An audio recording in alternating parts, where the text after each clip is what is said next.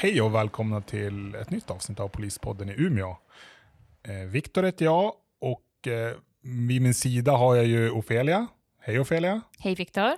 Och vi har en eh, gäst idag. Det här är ett av dina, eh, jag har sagt det så många gånger nu, men favoritavsnitt. Du har ju varit så otroligt taggad innan. Vi har suttit här innan och pratat lite också om eh, hundförare och hundar. Eh, Ja, ja, men som många andra så älskar jag ju hundar. Jag Ja. gillar dig också Nicke. Vi ska välkomna dig. Ja, men Välkommen hit Nicke. Stort tack. Det. Och vi har ju fått jättemycket frågor inför det här äh, avsnittet. Och eh, ofta så brukar ju vi be gästerna att presentera sig själva. Men många av de här frågorna har ju varit väldigt inriktade på din arbetskollega, din hundkollega Gard. Så jag tänker du kanske kan berätta lite om Gard. Mm. Eh, jag eh, gav då en eh, schäfer, tysk schäferhund. Han är snart sex och ett halvt år. Han heter Rapports Gard och jag har jobbat med honom ungefär sedan han var två år. Okej, så du har varit hundförare i fyra år? Nej, jag blev hundförare eh, 2013 med en annan hund som heter Flux. Flux, okej. Ja. Jag måste bara slänga ut med en, en fånig fråga innan eh, vi går in på det lite mer seriösa. Jag har tänkt på det lite innan också. Eh, ja, men precis, han heter Gard. Mm. Heter alla polishundar Ja, men någonting, okay, om, om, i brist på andra ord, coola namn. Vi satt och pratade lite innan, eller finns det någon som heter ja, men, ja, Tusse? Eller, eh, Skrutten, det är inte jätteförtroendeingivande att heta Skrutten. Nej. Eh, nej, men det är väl upp till var och en vad man döper dem till. Nu döpte inte jag Gard själv. Det är inte jag som har gett honom namnet. Men eh, man får väl kalla sin hund vad, vad man vill. ja. Jag tror det är lite sak samma när man väl jobbar med hunden, vad den heter. Jag tror inte, om vi träffar på någon eller ska agera mot någon, så tror jag inte hundens namn har någon större inverkan på utfallet i situationen. Nej, nej, ja, okej, ja men då, Mm. då är jag med. Sen, nej, man kanske vill ha lite, jag själv hade väl känt kanske man kanske vill ha lite myndighetsnamn. Om man får bestämma, sen kanske som du säger, det, det spelar ju kanske inte någon roll. Nej, ta ett namn man är, man är bekväm med Ja. själv. Då har jag städat bort den frågan, då känner jag mig Mm. nöjd, så då, då vet jag om det. Ja, jag var också nyfiken, så det är Ja. jättebra. Men du, hur eh, kommer det sig att du blev hundförare? Det var väl inget jag hade något jätte... Jag hade inga tankar alls på att bli hundförare när jag sökte till polis. Men sen efter att ha jobbat ett par år i yttre tjänst så hade jag åkt lite med hundförare, Jag tyckte det var en... De hade roliga uppgifter, de var, fick ta aktiv del när det hände. Eh, och jag kände själv också att jag ville ha några nya utmaningar. Jag tyckte om att... For, jag ville fortsätta jobba ute, men ha någon annan utmaning än bara gå som ordningspolis. Eh, Så det växte väl fram efter ett par år där. Att hundföreriet, det kändes spännande. Så då vart det en rekrytering och sen sökte jag och eh, fick möjligheten att fortbilda mig, då, vidareutbilda mig till, till hundförare. Hade du haft hund innan, eller? Nej, jag hade. Jag hade inte haft hund. Uh, hade bott med någon kompis uh, när man var lite yngre, vi delade lägenhet. Han hade en hund och det var lite hundvakt och sånt. Men jag är inte uppvuxen med hund. Ehm, och det är mycket, delvis berodde det kanske på att eh, jag har någon syskon som är allergisk och det passade inte Mm. riktigt. Det måste ändå vara, för, för mig känns ju en hundförare är ju, ja men det är 100% hund. Mm. Ja, men på jobbet, sen, ja men Gard hänger ju med dig hem också förstår jag som. Eller som de flesta andra hundar också, det är en medlem i en familj.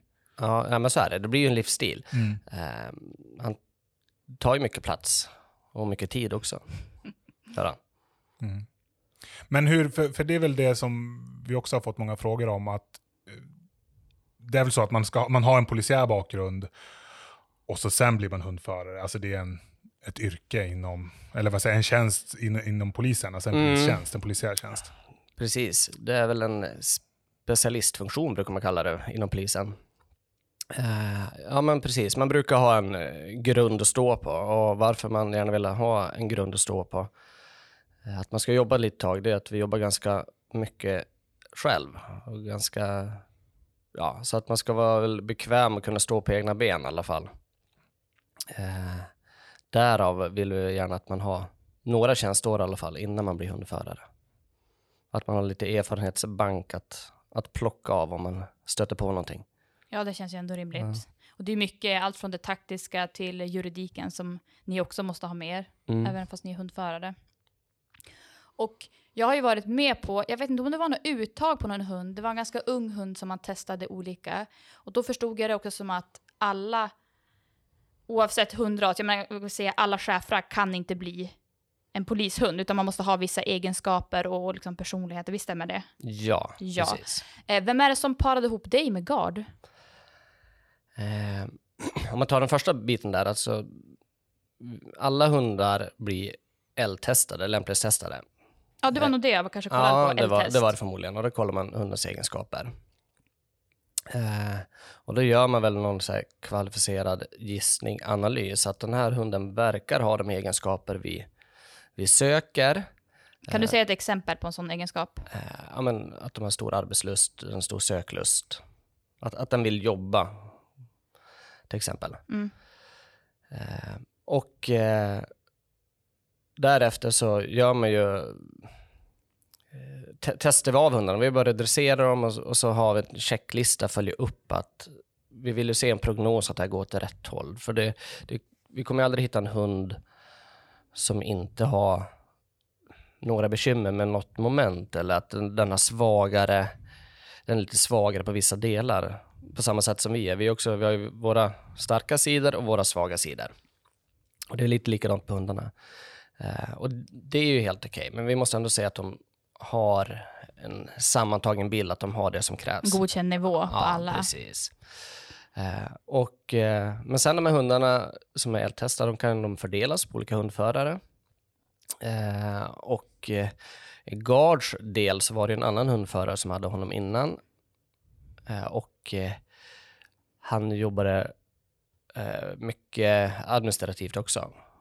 Och Så vi fick kanske inte, han tyckte att Gard, för hans Gards bästa också, han skulle få jobba mer aktivt ute. Så vi började med att vi hade delad vårdnad, jag och Patrik som han heter, som hade Gard innan. Mhm. Så jag hämtade upp honom innan passet och då eh, kör man ju en dressyrkontroll först innan jag får jobba med, med Gard. Så att man ser att men, han lyssnar på mig och vi kan klara av de här momenten som man ska göra eller fixa innan man får jobba aktivt. Eh, så jag hämtade honom innan passet och sen efter ett tag så kände vi mer och mer att ja, men, du kanske ska ta över honom helt. Och då tog jag över honom Mm. på heltid. Ja, jag visste inte att man kunde ha delad vårdnad av en polishund. Ja. Är det vanligt? Nej, nej, delad vårdnad var väl mitt eget ord. eh, nej, det var inte vanligt. Men vi hade brist om hundar och eh, jag hade haft två hundar efter när Flux som jag nämnde som inte höll måttet så, Mm. som jag sa. Eh, så att jag ville väldigt gärna komma i tjänst och vi behövde få ut mer patrullhundar ut på fältet. Så det började med att det vart en lösning bara för att ja, vi ska få ut en till på listan. Alltså, jag kunde komma ut och jobba och sen växte det fram då att ja, men, jag tog över honom helt.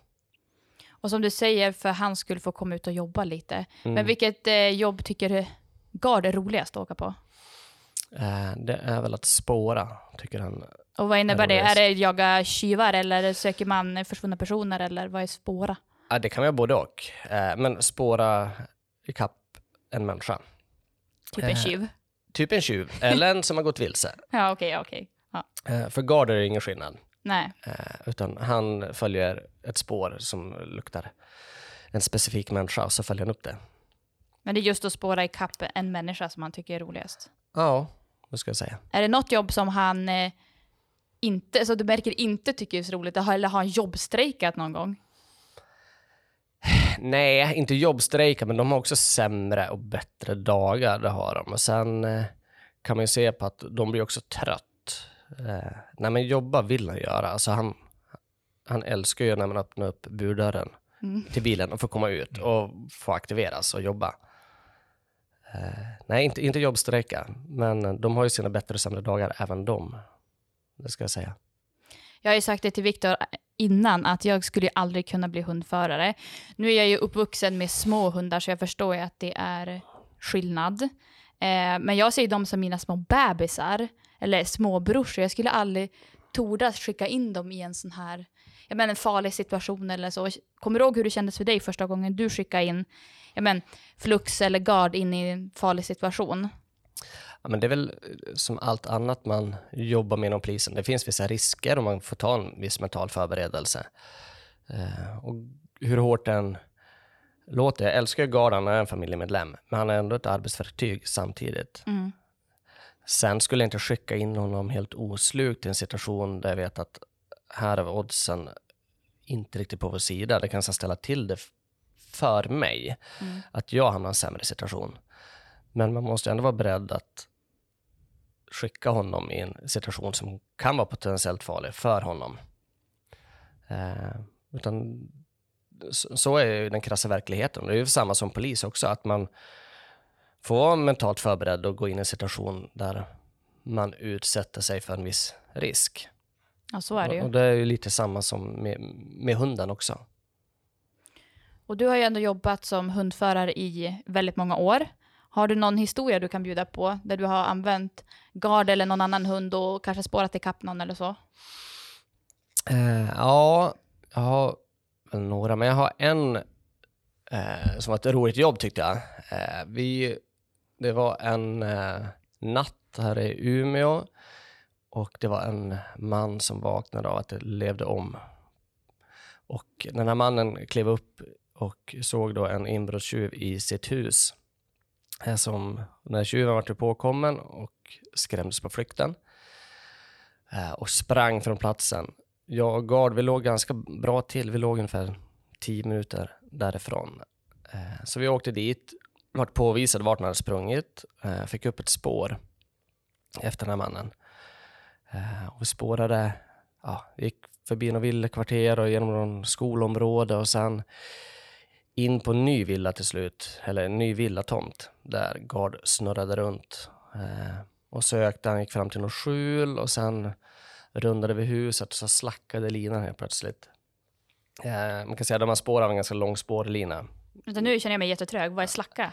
Eh, det var slack på linan, den var inte spänd längre. Okej, jag förstår. Men jag känner jag fick hjärnsläpp. Okej, ja tack. Ja. Eh, nej, men om hunden ligger på så blir ju linan spänd. Ja, men okej, men, men, men eh, han rundade det här huset och sen vart eh, det slack på linan. Han sa de stannade upp lite. Ja, och jag tänkte vad gör han nu då?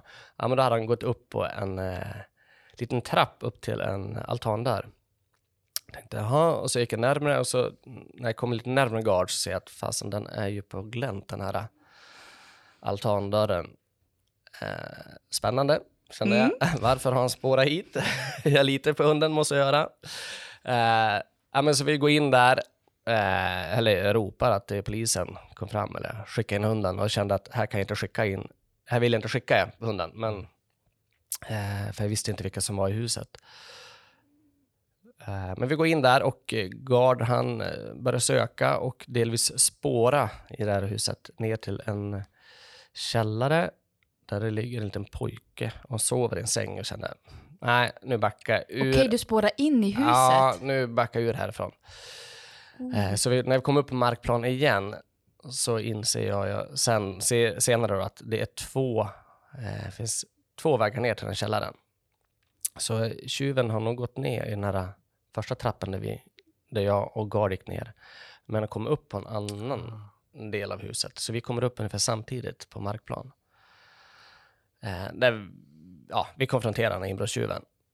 Eh, och jag frågar om han bor här. Nej, får jag till svar. Och så börjar han stoppa händerna i fickorna. Och då skriker jag och Gard börjar skälla. För han inser att nu är det dags att vara på tårna. Ja, men jag, jag, jag skriker och börjar beordra honom att visa händerna, visa händerna, lägg dig ner. Eh, och pappan i huset kommer upp och skriker och svär och undrar vad det är som händer. Alltså, vilket tumult. Ja. Och sen kommer mamman upp från ett annat håll och då kommer två främmande personer för Gard också. De är potentiella hot för honom, även om jag kan säga att det här, jag, jag förstår att det här är ju de som bor i huset. Ja.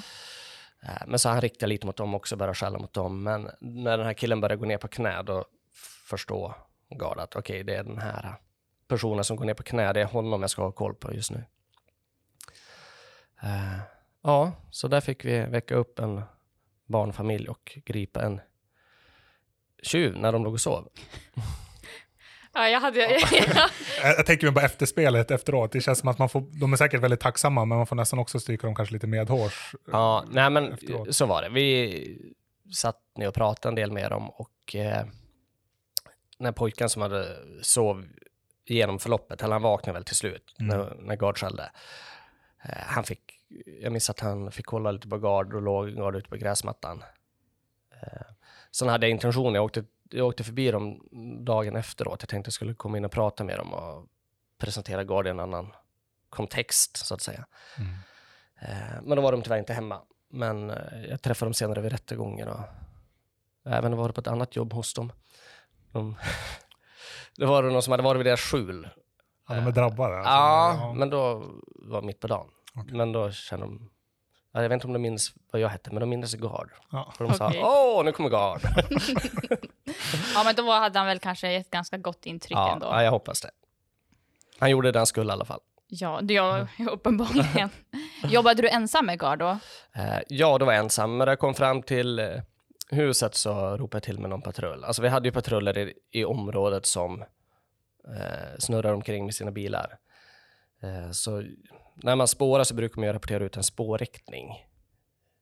Eh, så det fanns bilar i området, men då jag hittade på den här eh, villan där jag trodde att han hade gått in, då ropade jag till med en patrull som fick, jag avvaktade tills de kom Mm, vill jag minnas. Eller om jag var lite het kanske gick in lite tidigare. Kanske. ja, eh, men, men de kom och tog en diagonal som vi brukar säga på huset. Precis, du var inte helt ensam. Eller det var du ju inte, för du hade ju Gard med dig. Nej, precis. Jag är inte ensam. Så. Nej. Och jag Viktor pratade lite innan det här programmet och han sa, du sa nog inte att det var din mardröm, men du sa i alla fall att det är inget, ingen dröm att hamna bakom en, en hundförare som någon form av säkringsfunktion om man ska spåra i skogen. Du var lite rädd för att du inte skulle orka hänga på. Nej, nej, men det är väl just det. Precis, jag kanske inte har världens bästa kondis, men jag tror också det hänger på att, för du får ju ganska mycket draghjälp va, av Mm. hunden. Eh, så är väl det lite, man, man hänger på både en, en hund plus en vältränad hundförare. Eh, som, som poliskollega. Liksom. Har det hänt någon gång att du har sprungit ifrån din kollega? Ja, Ja, jag kan tänka mig det. eh, men det har hänt. Eh, och det, det beror på vad vi spårar. Ja. Alltså, alltså taktiskt kanske jag ska vänta in ibland, det har man väl gjort. Eh, men jag vet jag spårade, då var det ju mycket snö dessutom. Eh, även åkrar som man fick plumsa snö och det blir ju en ruskig skillnad att ha draghjälp från en hund. Och då kände jag att, ja, men, ska jag ens ha möjlighet att komma ikapp de här? För de hade ganska långt försprång. Eh, det var en bil som hade gått av vid, runt Ånäset och jag åkte från Umeå. Jag vet inte ens om jag var ledig, om jag varit inringd. Jag kände att de har ju jätteförsprång. Mm. Så att jag har inte tid att vänta. Men, och så är det väl alltid. Alltså, Ja. Visst, i optimala förhållanden så vill vi ju vara hur många som helst när Mm. vi kanske gör ett ingripande, men man får ju göra avvägningar. Mm. Ja, men, ja, vad, vad kan jag mötas av om jag kommer fram ensam här? Ja, ja. men det kanske är, jag gör min taktiska bedömning att det är värt det, eller att, Mm. det att jag kan hantera det. Ja men så är det ju och, eh, och jag är ju inte fullt, eller jag är ju inte ensam. Jag har ju en hund som jag litar till 100% på. Och sen vet jag att jag har, har ingen kollega i ryggen, ja men det är jag medveten om det. Eh, då får jag lägga upp min taktik efter det. Det skulle vara ännu värre att ha en kollega i ryggen som helt plötsligt inte skulle frysa och agera, för Mm. då kanske jag har ett annat taktiskt upplägg. Det skulle vara värre för mig än att veta att nu är det bara jag och min hund, vi löser det här. Vi fryser situationen. Mm. Ja, då har du ju koll i alla fall. Och som jag sa, säkringsfunktion, jag menar egentligen att du har med dig en kollega som, som har din rygg, som har koll på lite säkerheter runt omkring så du kan fokusera på hunden. Precis. Och det där är också jättesvårt eh, att vara säkringsfunktion. För som du säger ska man då fokusera på det som händer runt omkring. Och jag har också sprungit med som säkringsfunktion. Men det är ju jättelätt att man börjar titta på hunden. Ja, ja. Det, är där det händer. Men Det, det, det är där det är spännande. Men det är inte min uppgift där och då, utan jag ska ha lite koll åt sidorna. Ja, men, precis, känslan för mig, ja, men jag vill också ta de här som, Ja. som Gard letar efter. Mm. Alltså, det är klart att man, man vill ju fram lika mycket som honom. Och du sa ju när du letade och kom in i den här villan och så kom de här boende upp. Mm. Och att Gard hade lite svårt att eh, ja, men avgöra, är de också ett hot eller är det bara den här personen? Mm. Och då tänker jag när du jobbar med kollegor och vi ser att det är en person som springer, du jobbar med Viktor och han är uniformerad, precis som du. Mm. Och Viktor är lite het, han springer efter den här personen och du släpper Gard. Kan Gard se skillnad på din poliskollega som springer och den här personen som springer? Eller skulle han lika gärna kunna ta Viktor? Jag skulle säga ett glasklart ja. eh, nej, det är inte alls säkert att han skulle se skillnad. Nej. Eh, har hunden, skulle Gard i den här situationen fäst upp på en person som står en bit längre fram, att vi nästan har ögonkontakt eller att den här skriker och att han drar uppmärksamheten till sig, ja, då blir det lättare att sortera. Eh, men skulle jag skicka Gard efter någon som springer så kommer Viktor in springandes från en genväg, från Ja. sidan. Nej, Ja, då, är det- då får man skylla sig själv. ja, då kan han, då är, kan han ju lika gärna ta den som är när, närmst, så Ja. att säga. Ja, för vi har ju faktiskt fått väldigt många frågor från våra lyssnare. Och en av frågorna hade jag tänkt att eh, ställa till dig, för jag förstod in, själv inte ens frågan. Eh, jag vet vad skallmarkering innebär, men inte vad rullmarkering innebär. Och det är det frågan handlar om. Eh, frågar om vi använder oss av skallmarkering eller rullmarkering. Eh, ja, vi använder skallmarkering på våra hundar här uppe. Och rullmarkering, om man ska förklara det för de som lyssnar, är som jag säger, de har en liten bitrulle som hänger vid halsen, hundarna. Och om de då springer ut i skogen och hittar ett föremål eller en människa som de ska markera så biter de tag i den här rullen som man säger och eh, springer in till sin förare och med den här rullen i munnen och på det sättet signalerar att nu har jag hittat någonting, nu vill jag att du hänger på och så kopplar man på sin spårlina, till exempel på hunden och så får föraren springa ut med hunden igen till det här föremålet eller människan som de har hittat. Och då hittar hunden raka vägen tillbaka. Ja, de brukar jag, ja, men de har koll på vart de har varit. Och är det, har vi någon polishundar som använder sig av rullmarkering? Eh, det vågar jag inte svara på, eh, men eh, det är ju inga av eh, patrullhundarna som har det. Nej. Sen om vi skulle ha någon specialsökshund som har eh, man har också den här funktionen att söka efter folk. Om, eh, där kanske det finns någon som har rullmarkering, men inte här uppe. Jag vet att eh, fjällräddningens hundar, där vet jag några hundar som har rullmarkering. Mm. Och nu tänkte vi gå och åka ut i skogen tillsammans med Gard så han ska få visa oss hur det ser ut när man gör en skallmarkering. Och jag tänkte försöka filma det här och eh, lägga ut det på Instagram så är ni nyfikna på hur det ser ut så att eh, bara att ni kollar in där. Ja men så vi säger så för nu så tack för att ni har lyssnat. Hej då! Hej då. Hej då!